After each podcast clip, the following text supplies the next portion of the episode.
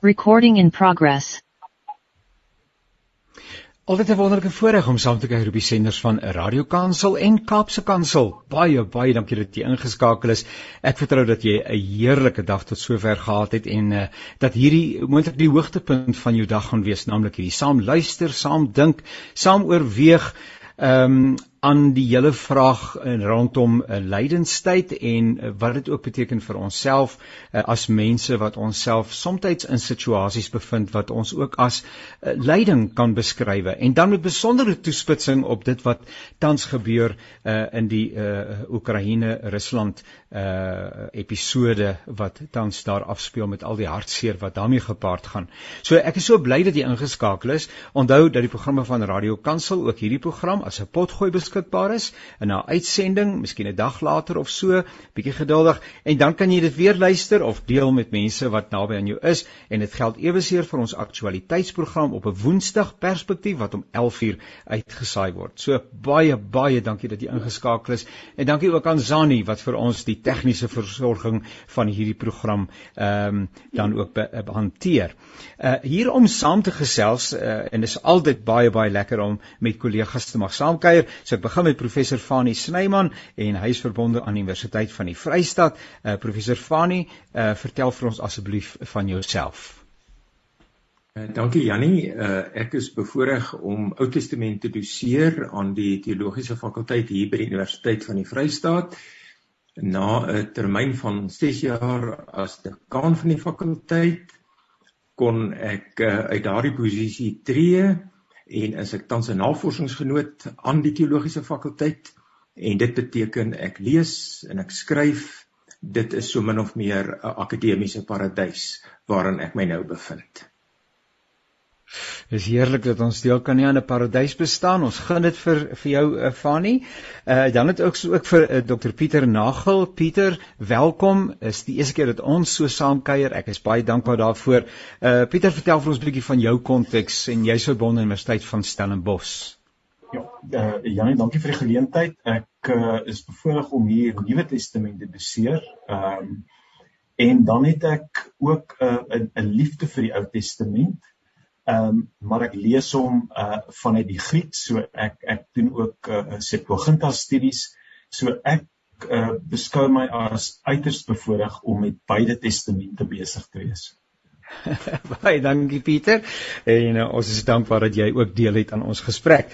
En dan het ek vir professor Litus laat te gaan en dis ook die eerste keer dat ons saam kuier. Ek is so dankbaar en bevoorreg. Uh kollega, uh, jy is met ons telefonies in verbinding. Baie baie dankie daarvoor. Ehm uh, vertel vir ons 'n bietjie van jouself asseblief. Nee, goeiemiddag en goeiemiddag aan Fani en aan Pieter. Ek is tans navorsingsprofessor aan die Sentrale Universiteit vir Tegnologie in Bloemfontein waar ek spesifiek kyk na die behoeftes van nagraadse studente en bepaalde ontwikkelings binne nagraadse studies. Formeel is ek opgelei as filosoof, teoloog en ook het ek 'n opleiding voltooi in gemeenskapsgesondheid en my bydrae vandag sal dan wees vanuit 'n teologiese perspektief, maar ook waar ek tentmaker leraar verbonde is aan die NG gemeente Bloemheuwel in Bloemfontein. Wonderlik, baie baie baie dankie. Kollegas, en ek gaan sommer sê uh Pieter, terwyl jy nou nuwe nuwe testamentikus is uh in die besonder, maar natuurlik julle almal. Kom ons begin, kom ons gesels oor uh, die agtergrond van lydenstyd. Ons staan kniediep in lydenstyd in die tyd wat ons as lydenstyd uh verstaan. Ehm um, ek sien weer 'n keer dat ek ook die woord uh, ek dat 'n mens nou oud moet word voordat jy dit leer, nê? Nee? Dat lydenstyd nie soos 'n lyding is en ek spel dit my leeftyd en so het ek ook 'n emeritus dominee geword. Spel ek dit soos 'n lyding, want dit is mos lyding, tot die speltoetser gister aan mekaar vir my die woord lyding uitgooi en ek sê maar dit kan tog nie wees nie. Wat wil hy dan nou daarmee maak? En toe sien ek dis lydenstyd, jy spel dit op 'n ander wyse. So vergewe asseblief dat ek uh, die woord verkeerd gespel het. Nietemin, Ehm um, toe ons die as ek die Bybel so lees dan sien ek nou nie daar staan eers maar Here moet hierdie tydperk moet julle nou gebruik as 'n en dit word bekend gestel as 'n lydenstyd met al die dinge wat daarmee gepaard gaan nie. So eh, die manier waarop ons dit vandag beleef het 'n bepaalde agtergrond. Pieter kom begin jy en help vir ons asseblief en dan gaan Fani en Elites ook daarbey uh, byvoeg. Ja. Uh, uh, ja, dankie Janie. Ek ek ek dink uh, uh, in in in wese natuurlik uh, uh, hou dit verband met die gebeure rondom om om Jesus in in sy lyding. Ek meen dis dis waar dit wortel skiet. Ehm um, uh die begin van hierdie ek ek wil amper sê in, institusionalisering van van nadink uh uh weet saam beleef uh uh van hierdie tyd. Uh uh leen die in die uh, vroeg-Christelike kerk natuurlik as Woensdag uh, 6de eeu um die 4de dag van as as jy wil 'n uh, 'n uh, 'n uh, uh, tyd waar jy begin om jouself voor te berei uh om jouself te weerhou van sekere dinge uh um uh, is uh, dit is amper wat ek sou meen is 'n 'n selfreflektering hoe posisioneer jy jouself tot oploop van hierdie hierdie hierdie um hierdie dag uh, wat ons sou beskryf as as 'n as 'n goeie Vrydag indien daar iets is goed aan hierdie Vrydag. Ehm um, maar maar die kortom 'n 'n 'n 'n voorbereidingstyd wat baie vroeg reeds in die kerk uh, uh, ontstaan het.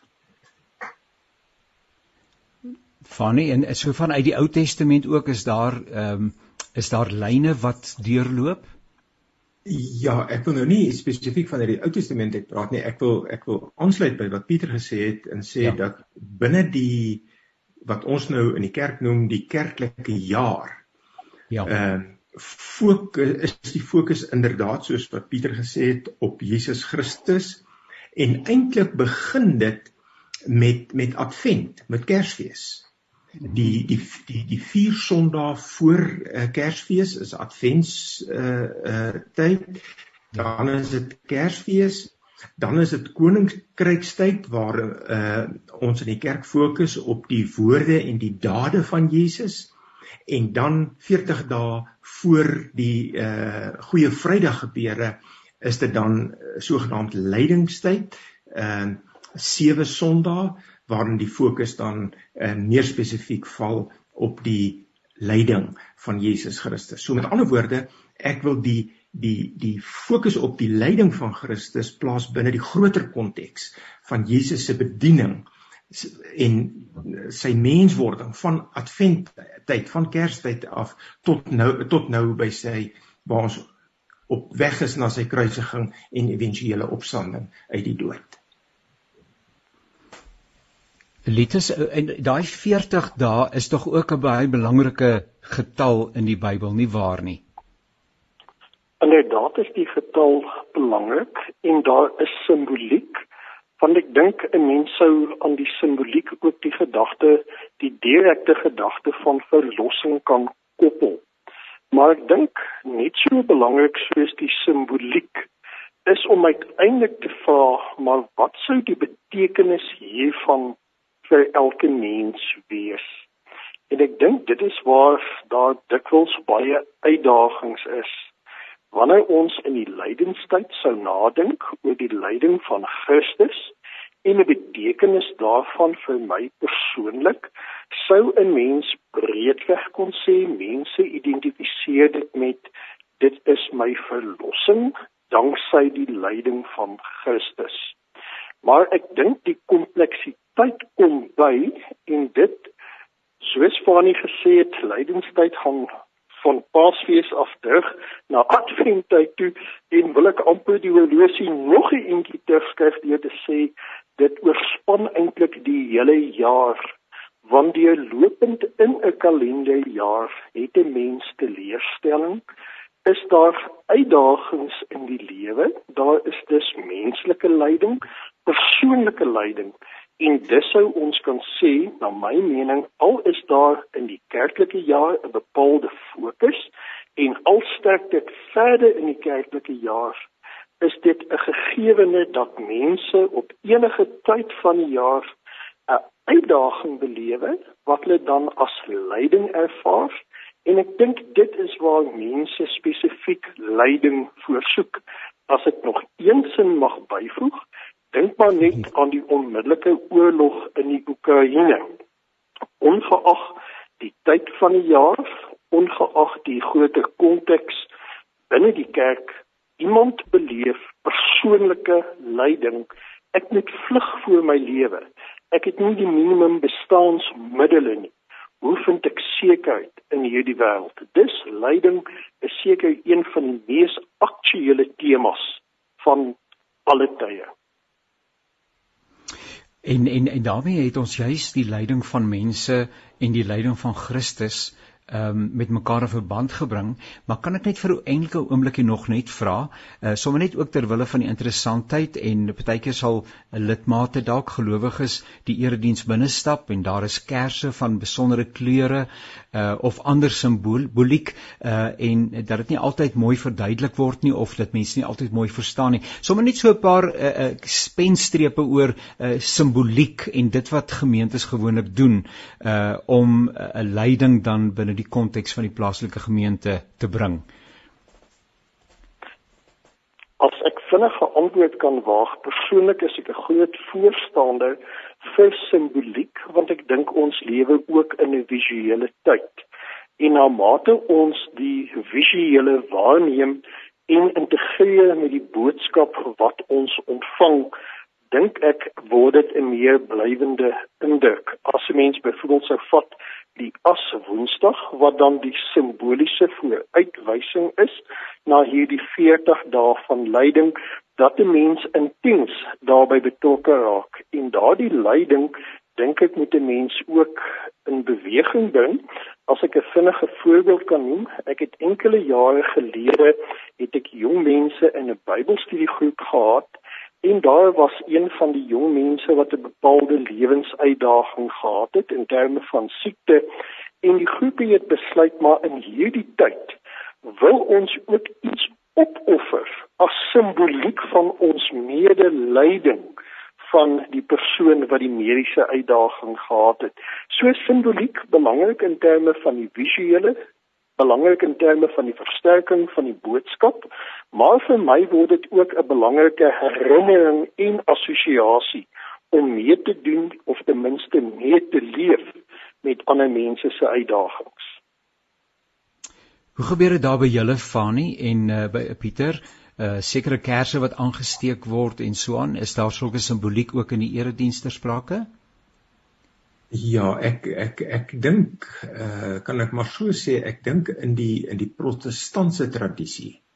Ja. Het ons eintlik 'n bietjie arm aan uh simboliek geword. Ons het uh met die uh hervorming het ons regtig, ek dink 'n bietjie alles wou hervorm en ons het daar dink ek 'n belangrike uh erfenis van die vroeë kerk eintlik so bietjie verloor uh Lites het melding gemaak daarvan dat ons tans in 'n visuele tyd lewe en uh, met ander woorde simboliek word juis in ons dag weer so belangrik.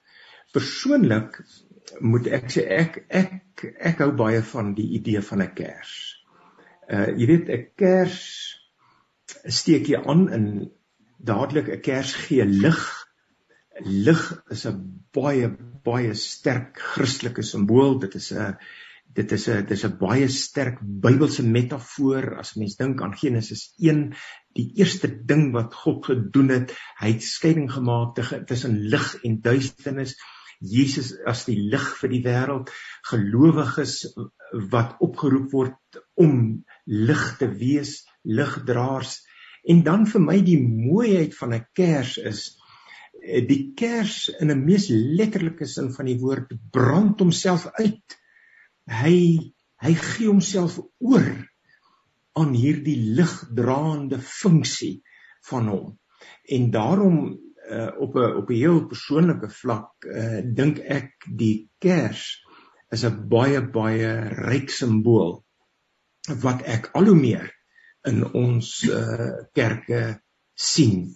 Uh, en dan natuurlik ook in lydenstyd hier by ons gebruik ons verskillende kleure van kanselklere.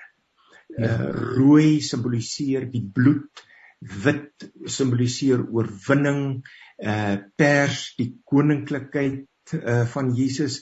So hier in die gemeente waar ek uh lidmaat is, word uh kleure gebruik as simbool uh by die uh, vir kanselklede. En ek dink dit is ook dit is ook uh baie sinvol. Die ding met 'n simbool ook uh uh Janie dis dis is, is amper soos 'n grap. Uh die oomblik as jy 'n grappie moet verduidelik, verloor hy sy trefkrag. Dan is 'n grap nie meer 'n grap nie. En dieselfde met 'n simbool. 'n Simbool, ons moet toelaat om 'n simbool 'n simbool te laat wees, om om ja. iets te sê sonder om te veel uh, te verduidelik. Pieter daardie uh, die Paasnaweek dan as sodanig 'n uh, goeie Vrydag En dan is daar benaming vir Saterdag, donker Saterdag of somber Saterdag of hartseer Saterdag. Ek is nou nie heeltemal seker nie. Miskien is dit maar net 'n menslike term, stil Saterdag en dan is daar nou oorwinnings of opstandig opstandings Sondag. Ietsie miskien net oor die oor die oor die betekenis daarvan. Hoekom sou uh, ons so verwys na die onderskeie dae vir al die Saterdag, stil Saterdag, interessante benaming. Ja, ek ek uh uh, uh ek ek kan net spekuleer uh, dat dat so uh, stil Saterdag ehm um, juis iets van daardie stilte van iemand wat nie meer uh, die nodige asemhaling doen nie om respek te hê daarvoor. En ek wil graag hier 'n perspektief inbring sonder om om simboliek en hoekom ons wat doen uh, wil ek net graag inbring. Ek ek kry tog die idee dat ons ehm um, baie gesofistikeerd geraak het in die verdiskontering van lyding dat ons hier met mekaar kan gesels oor die waarde van lig, kers, klere, die estetiese daarvan terwyl iemand moet kinders gryp in weghol vir lewendige amnisie. dit uh, en dit dit dis amper asof daar 'n dissonansie is. Hoe op dese aarde met al die moontlike geestelike emosionele verryking wat ek kry deur hierdie simboliek. Hoe op dese aarde kan ek myself vereenselwig? Kan ek meeleef? En daarom kan ek daarom is lydingstyd vir my is 'n tyd wat ek absoluut maar net moet Pieter raak stil. jy weet eintlik nie waarvan jy praat nie. Jy kan onmoontlik nie jouself in ander se skoene sit nie.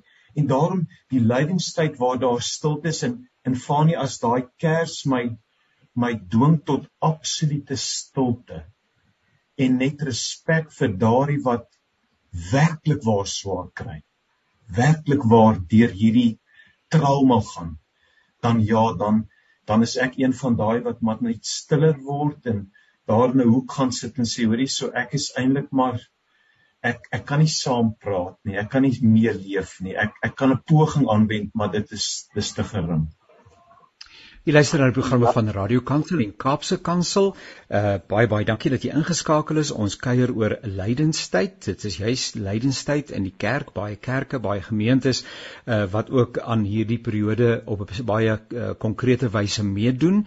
'n Lidmate wat met die hele uh, simboliek en die hele verhaal en die boodskap van lydenstyd alles as dit ware op pad is na Goeie Vrydag en uh, uiteindelik ook die opstanding uh, op Sondag. Uh hier om saam te gesels oor hierdie saak is professor Fanie Snyman, uh, Dr Pieter Nagel en uh, professor uh, Litus Lategan.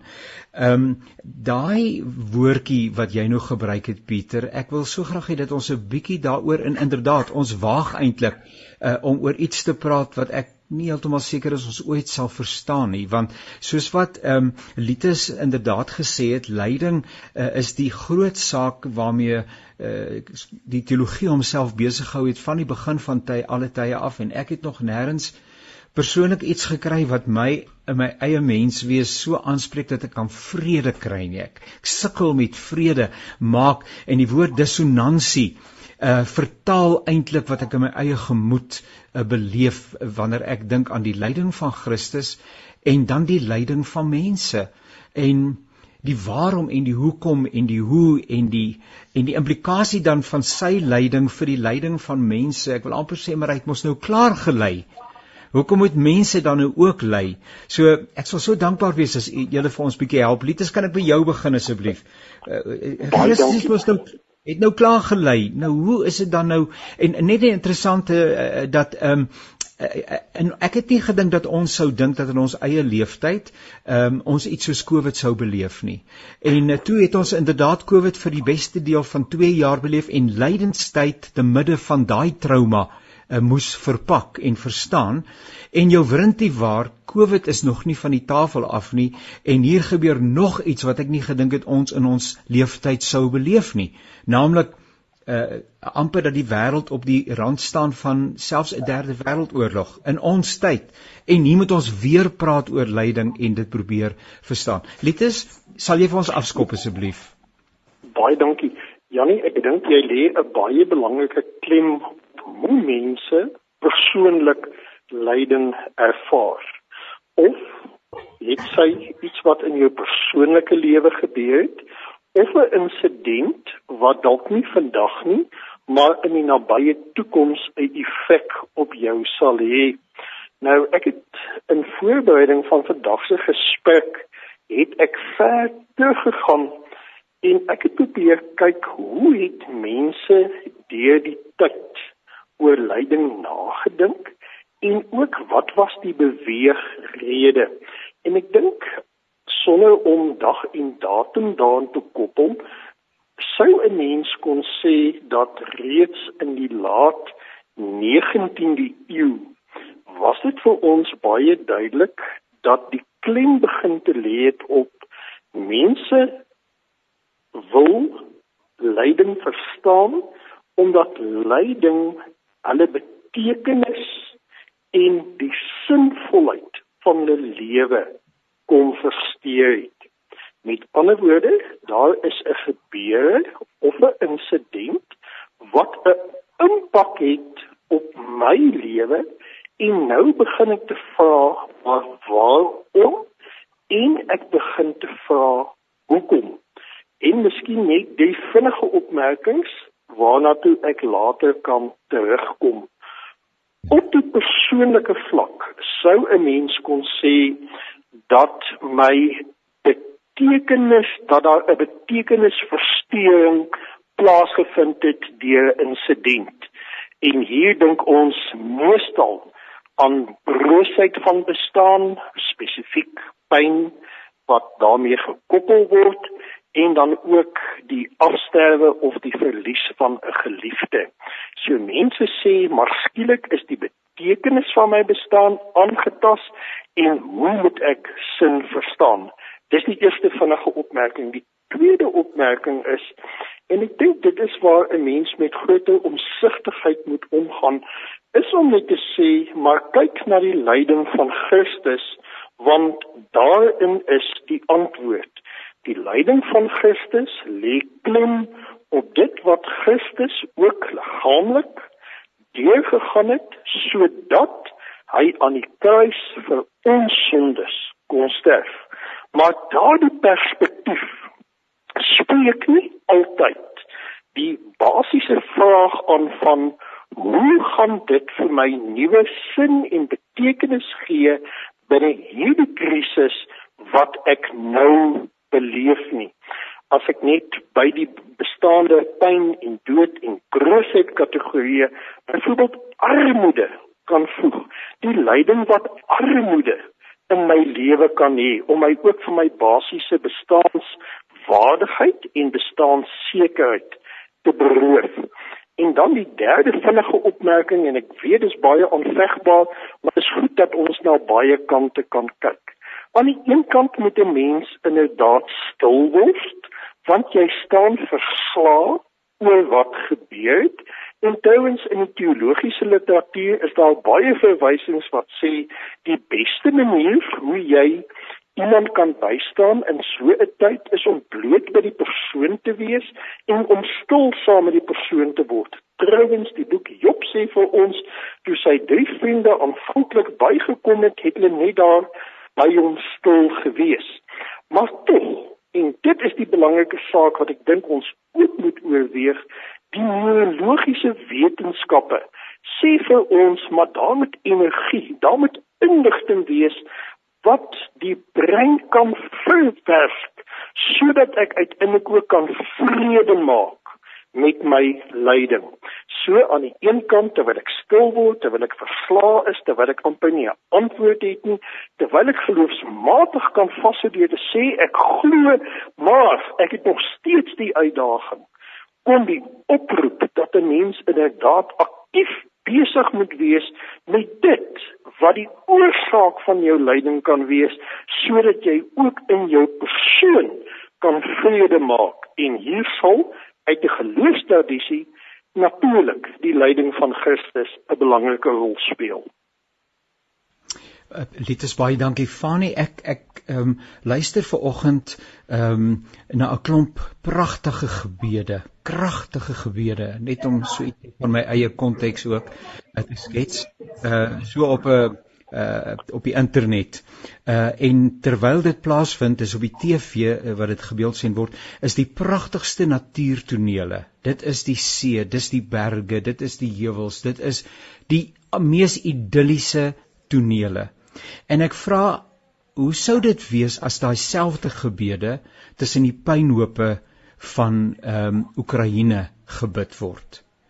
Ehm um, so dis daai dissonansie in in aansluiting by Litus hoe hoe hoe werk 'n mens dan met die lyding en die oorwinning van Christus en die teenswoordige pyn en hartseer van mense. Ja, Janie, uh, ons is natuurlik hier besig met uh met baie diep vrae. Ek dink ook dis die soort van vrae waarop 'n mens nooit 'n uh, eh, regtige finale antwoord uh, sal kry nie. En uh, as ek so 'n bietjie van uit die Ou Testament uit uh, kan praat,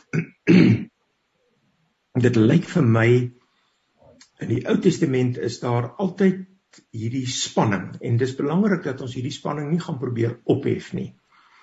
Aan die een kant is daar die belofte en ook die realisering van oorvloedige seën van die Here. Dit gaan goed. Julle julle gaan 'n land van melk en honing betree. Dit gaan 'n land wees wat 'n oorvloed het aan alles. Maar te gelykertyd is die bedreiging van die Filistyne en van die ander volke daar en dit is afvalligheid. So in die Ou Testament het 'n mens altyd hierdie hierdie spanning tussen 'n uh, seënryke lewe teenoor swaar kry. Uh, hierdie ding word ook baie mooi geïllustreer in die psalms byvoorbeeld. Die twee dominante literêre soorte van psalms wat 'n mens kry is klaagpsalms en lofpsalms. En die interessante is as 'n mens hulle een vir een gaan tel, daar is baie meer klaagpsalms as lofpsalms. Ja. Klaagpsalms is is die psalm wat by uitstek in die psalmmiddel voorkom. En dit waar ons nou praat word dan verskriklik mooi geïllustreer juis in die persoon van Job. Job ja. is iemand wat in Job 1 in vandag se terme 'n miljardêr is. Hy het ja. alles. Hy het hy het rykdom in oorvloed. Dit is net soos ek sê, dis min of meer in vandag se terme 'n miljardêr. En Job verloor alles. En dan kom daardie spanning weer ter sprake. En dit is interessant genoeg in die in die boek Job is dit 'n spanning wat end uit volgehou word, né? Job uh Job word nooit ingelig dat daar eintlik agter die skerms hierdie onder ons hier was tussen God en die Satan. Uh interessant, die Satan verdwyn heeltemal uit die prentjie uit. Maar daar word nooit vir Job gesê, Job, hoorie kom kom ek help jou nou. Dit was eintlik die saak waaroor dit hier gegaan het. En die Satan het my die Here uitgedaag. Ek het hierdie uitdaging aanvaar. Job, jy was die uh, eksperiment en wie Job jy het geslaag en my eer gered en daarmee is die probleem van lyding opgelos. Nie so nie. Ja, nie ja. so nie. Job vra sy vrae. Job worstel met die Here. Job is kwaad vir sy vriende. En hier kom die mooie. Op die ou einde vind Job rus in God. Al is sy vrae nie geantwoord nie.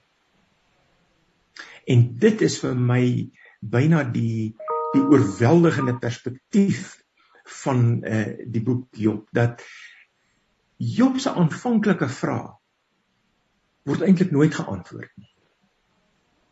Maar tog sê die Here vir Job se vriende, dit is hierdie Job, hy het reg gepraat oor my. Hy kon maar sy vrae vra. Hy moes deur hierdie worsteling gaan. En dan sê Job, ek het oor goed gepraat waarvan ek niks weet nie. Maar ek is tevrede, ek het rus gevind in God. Al word en al is my vrae nie beantwoord nie. En ek wil kom ek sê in my lewe en in meere gelowiges se lewe het het het die het die boek Job hulle hiermee gehelp.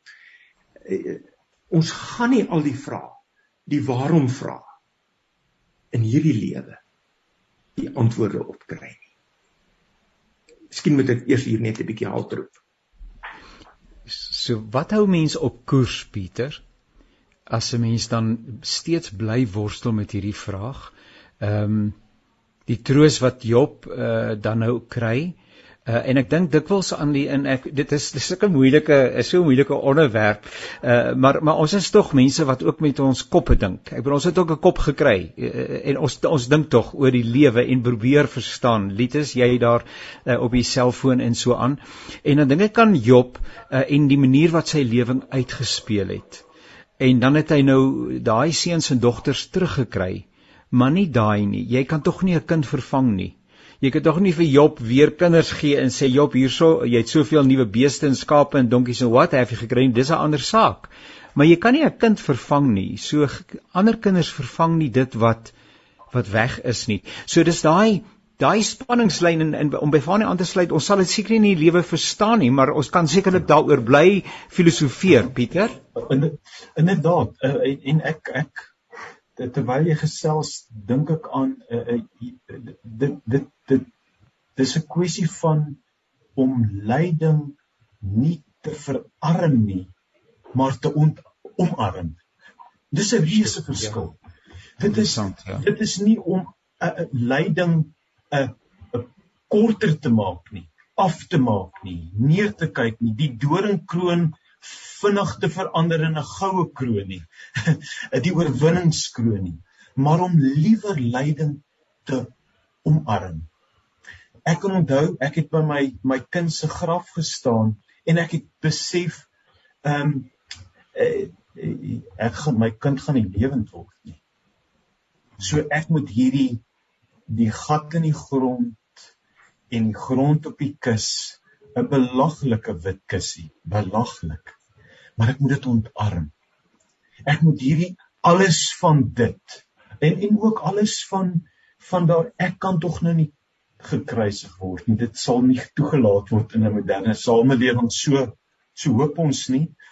Ehm um, maar ek kan dit maar net ek dink dit is waar wat ek by by ek ek kan by Jesus gaan stil staan daar wat wat sy lyding tot 'n groot mate aanvaar. En en en daarmee wil ek vereenselwig. Ek wil nie lyd, ek wil lyding deel van my bestaan maak want dit gaan altyd deel wees van van menslike bestaan op hierdie planeet. Ek wil ek wil liewer saam met die met Habakuk bid. Al is daar nie meer beeste in die beeskraal nie. As daar oorlog is, oorlog, armoede, swaar kry nogtans en dis my die kuns nogtans sal ek in die Here jubel sal ek juig in God my redder. Dit dit gee nogal vir 'n ou iets waarmee jy kan werk as hy ook luister lied is. Uh, hoe Pieter sê dat 'n ou en dankie dat jy ons ook toelaat in jou eie in jou eie seer kry Pieter ehm um, dat 'n mens lyding omarm en nie verarm nie. Ehm um, of steeds daarmee haks bly nie want dit bring jou nêrens nie. Uh dit dit dit dit dit uh, brei eintlik net in verleng eintlik net die lyding totdat jy dit as as deel van hierdie werklikheid uh, aanvaar. Ehm um, toe ek gister die teks vir julle skryf, uh die woorde kruis en kroon ehm um, Christus se kruis maar ook sy oorwinning het toe nogal vir my 'n uh, uh, liefdes help. Uh, as 'n mens daaroor dink dat die twee fasette ook in ons eie lyding uitspeel die kruis en die kroon. Ja nee as ek miskien 'n vinnige opmerking kan maak. 'n saak waaroor ek dikwels nadink is die volgende. Is dit maklik om God te vertrou met hom 'n gesprek te hê wanneer dit goed gaan of is dit makliker om met God daardie gesprek, daardie vertroue te hê wanneer dit sleg gaan? Ek dink as basislyn sou ek graag persoonlik Psalm 139 as vertrekpunt neem. Daardie vertroue wat die psalmdigter uitspreek dat God hom ken, dat hy weet waar hy is, dat hy sy skepper is en dat al sy lewensdae aan hom bekend is. Dit is die basislyn. En dan in terme van lyding wat kruis sal wees en kroon verlossing oorwinning dink ek 'n mens moet dit net terugneem na die werklikheid van 'n situasie. Die situ enige situasie word tog altyd vooraf gegaan deur iets wat jou betekenis, die sinsbestaan van jou lewe bedreig en dan heeltemal korreksus beter met ons gedeel het. Daardie energie wat jy insit om met die saak te deel en dalk laat ons nie altyd genoeg ruimte vir onsself of dalk moedig ons ander mense nie genoeg aan om met hulle lyding te worstel nie. Fanny het vroeër verwys na Job. Job is vir ons 'n pragtige voorbeeld van iemand wat as ons dit in tydsterme sou uitdruk, nie op 'n Saterdagmiddag oor die saak gedink het en toe tot besluit gekom het nie. 'n Mens kyk tog die idee en ek wil spesifiek die woord groei gebruik as ekwivalent vir omarm. Jy groei ook deur jou lyding om uiteindelik dan ook by die verlossing dan te kan kom. Nou, ek dink wat verder belangrik is, is dat 'n mens 'n regmatige plek aan die individu se lyding moet gee en dan vir daardie lyding om te diskonteer of geprojekteer te word binne die groter konteks van die lyding van Christus. Maar wat ek altyd van bewus is, is dat my lyding is 'n persoonlike lyding en daarom vergelykenderwys voel dit vir my Jannie asof die kruis wat ek dra veel swaarder is as die kruis wat jy of Peter of Fanny sal dra. Byvoorbeeld, omdat dit so direk aan my gekoppel is.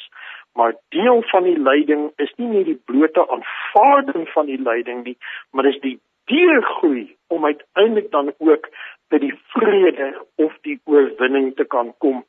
As ek nog net een vinnige saak kan bybring, daar is baie geskryf, baie gedink, geredeneer en verskil of daar altyd didaktiek, met ander woorde 'n onderwys of 'n opvoedkundige moment in leiding moet wees. Ek dink eerlikwaar die bedoeling van leiding is nie om my deur 'n skolingsproses te sit nie maar ek dink alle leiding dra uiteindelik by dat ek 'n situasie terskouend beter kan verstaan. Sjoe, eh, eh, en dit hang nou saam met 'n vraag wat hier in my eie hart broei. Ehm um, uh, uh, uh, uh, uh, prof ehm um, Fanny uh, en en kollegas uh, sou iemand byvoorbeeld nou vir ons vra. Ek bedoel ons is nou ek ek's ook emeritus dominee en dit gebeur goedskiks uh, en kan goedskiks gebeur dat iemand vir my Sondag by die kerk as ek 'n preekbeurt het voorkeer en sê ehm um, Dominee wat is die sin van die lyding in Oekraïne? Uh en, en so, terwyl ek nou hardop saam julle nadink, so ek sou wil antwoord en sê dit het geen sin nie. Maar God is ook daar. Ehm um, hoe hoe antwoord 'n mens so 'n vraag want dit het geen sin nie. Uh, jy kan tog nie na die stukkende geboue en die 2 miljoen mense wat uh, in Pole en op ander plekke uh, in daai verskriklike moeilike omstandighede woon ensovoorts ensovoorts en dan probeer om sin of verstaan om 'n uh, lietiese woord te gebruik om dit daaraan te koppel of 'n les daaraan te koppel nie. Ehm um, is 'n deel maar van hierdie gevalle werklikheid maar te midde van dit alles is daar nog die kroon perspektief. Fanny, ek is so bly dat ek met julle slim mense kan gesels daaroor. Wat is die sin van daardie swaar kry? Ja, nee, uh Janie, ek dink ek ek deel jou standpunt dat uh in 'n situasie soos wat uh, dit tans om afspeel in 'n land soos Oekraïne uh is daar werklik daar is geen sin. Dit dit dit is dat dit is 'n uh, stuk magswelles wat hom in ons sitkamers op ons televisie toestelle uitspeel en wat wat regtig te aklig is om na te kyk eintlik. Nou weer 'n keer uh, as ek vanuit die Ou Testament uh, kyk, ehm um, uh, Pieter het nou die boek Habakuk uh, genoem. Habakuk het presies met daai vraag geworstel. Habakuk sien daar is geweld in sy eie land en in sy omgewing. En dan vra hy, Here, hoekom hierdie geweld? Hoe hoe moet ons hierdie geweld verstaan? En dan gee die Here vir, vir Habakuk eintlik 'n 'n vreemde antwoord. Die Here sê vir Habakuk, Habakuk, hoorie, dit wat jy nou sien is 'n sonnaskoopie. Verwoesting van mense se lewens gaan eintlik nog erger word. Sjoe. Maar dan in Habakuk 2 vers 4, daai bekende vers. Sê die Here vir Habakuk, Habakuk op die ou einde sal geregtigheid geskied. Op die ou einde gaan geweldenaars boet vir wat hulle gedoen het. En Habakuk intussen, intussen het jy as 'n gelowige 'n taak en jy moet hierdie taak ook nou aan jou mense gaan verkondig. Gaan lewe 'n lewe van geregtigheid. Gaan skep 'n stukkie geregtigheid in jou klein wêreldjie waarin jy leef. Behaal klein oorwinningkies oor die groot onreg. En mettertyd word dit beter sodat Habakuk dan op die ou einde daardie aangrypende Habakuk 3 vers 19 teks kan uit wat uh, Pieter nou nou vir ons voorgedra het. Ons tydjie is verby kollegas en dit is so wonderlik om met julle te kan 'n skouers skuur en van julle te kan leer. Ehm um, kan ek 'n laaste vraag vra asseblief? En ek gaan by Pieter begin en dan Fani en dan Litus uh om net 'n gedagte te wissel oor hoe bid 'n mens vir byvoorbeeld? En kom ons neem nou want ek dink dis die mees konkrete en mees relevante situasie wat tans op die tafel is wêreldwyd en dit is wat tans uh, in in die Oekraïne uh, ook teen die agtergrond van Rusland ensovoorts ensovoorts homself afspeel. Uh, en nou moet ek bid ehm um, want dit wil ek doen as gelowige en gebed het tog waarde en betekenis. Hoe bid ek vir die situasie daar. Is dit nie maar net makliker om te sê Here laat U wil geskied en net maar net daar te los sê hy, hy weet in elk geval op die ouene wat die beste is nie want jy bid vir ehm um, beskerming en dan is die volgende beeld is die van nog 'n gebou wat verwoes is. Jy bid vir wat dit ook al mag wees en jy voel maar dit wat help dit ek bid want hier speel juis die teenoorgestelde van dit wat ek bid lyk asof dit daar uitspeel. So Wat beteken dit om intelligent te bid, Pieter? Ja, sure. Ehm um, Janie, uh, vir my sou dit eenvoudig wees ehm um, daar is nie woorde nie. Hier moet ek staat maak op uh, die interpretasie van 'n uh, etere traan wat oor die wang rol en my kop wat ek skud want ek verstaan dit nie. En dis waar ek is, is 'n is in stilte. Dit is in in in dit wat ek nou hier doen vir my rekenaar. In my hande in die lug slaan ek. Ek het nie woorde nie. En ek ek ek probeer hierdie ook vir vir 'n God los wat wat wat meer ken en weet in in in in alles maar ek het nie woorde nie. Ek het ek ek het nie woorde nie. Ek ek ek kan niks ek kan niks vorm formuleer oor hierdie lippe bring wat wat my rustig en kalm in in in sin ek ek het maar net 'n uh, gebare in 'n stilte. Ja, ek ek kan nie eintlik iets daaroor sê nie. Ek is jammer. Funny. Weet jy, ehm um, ek wil ek wil aansluit uh by Pieter uh ek dink ons moet versigtig wees om nie God se advokaat in hierdie wêreld te probeer wees nie. En daarom Jannie, weet jy met die onbeholpenheid wat ek in myself ervaar, dink ek wat ek sal doen, ek sal 'n klaagbesalm saam met die mense van Oekraïne bid omdat ek nie self die woorde het nie, omdat ek nie weet wat om te bid nie. Sal ek 'n klaagbesalm vat. En ek sal daardie klaagbesalm saam met hulle bid. Soos wat daardie klaagbesalm een keer gebid is en waarskynlik miljoene kere deur die geskiedenis deur ander gelowiges ook gebid is. Baie dankie Fanie Lites. Hoe bid 'n mens in so 'n tyd? Waarvoor bid jy? Ek dink om aan te sluit by wat reeds gesê het, die gebed se belydenis is hier in ons glo dat u in beheer. Die gebed is ook 'n erkenning ons begryp nie, ons verstaan nie. Maar die gebed is ook 'n tweeledige versoek om die teenwoordigheid van God te laat ervaar, te laat openbaar by diegene in daardie keuses, maar vir my persoonlik, Here weerhou my daarvan om geweld aan ander mense uit te deel. Deelnemers aan ons gesprek, uh, eh, Dr Pieter Nagel, Universiteit van Stellenbosch, uh kollega baie baie dankie uh vir die saamgesels waardeer en baie seënwense vir jou mag dit met jou goed gaan op die lewenspad ons gesels weer in die toekoms. Dankie vir die geleentheid Janie. Professor Van die Snyman weer eens soos in die verlede. Dankie vir u deelname. Dis heerlik om vir u te ken en baie seën vir u en vir die huis. Dankie Janie, soos altyd te voorreg. Professor Litus, dit is aangenaam om die eerste keer met u skouer te skuur hier op die senders van Radio Kansel en Kaapse Kansel en uh, ek wens vir u die beste toe. Ek weet u is tans in synode sitting uh, en die nawerking en die nauitspeel daarvan sal seker nog in die volgende paar dae uh, ook voortduur. Uh, baie sterkte en groete ook en dankie vir u deelname. Baie dankie dat ek kom deel gedoen het groete aan die ander twee kollegas en die luisteraars en laat ons net vergeet om vir mekaar lief te wees.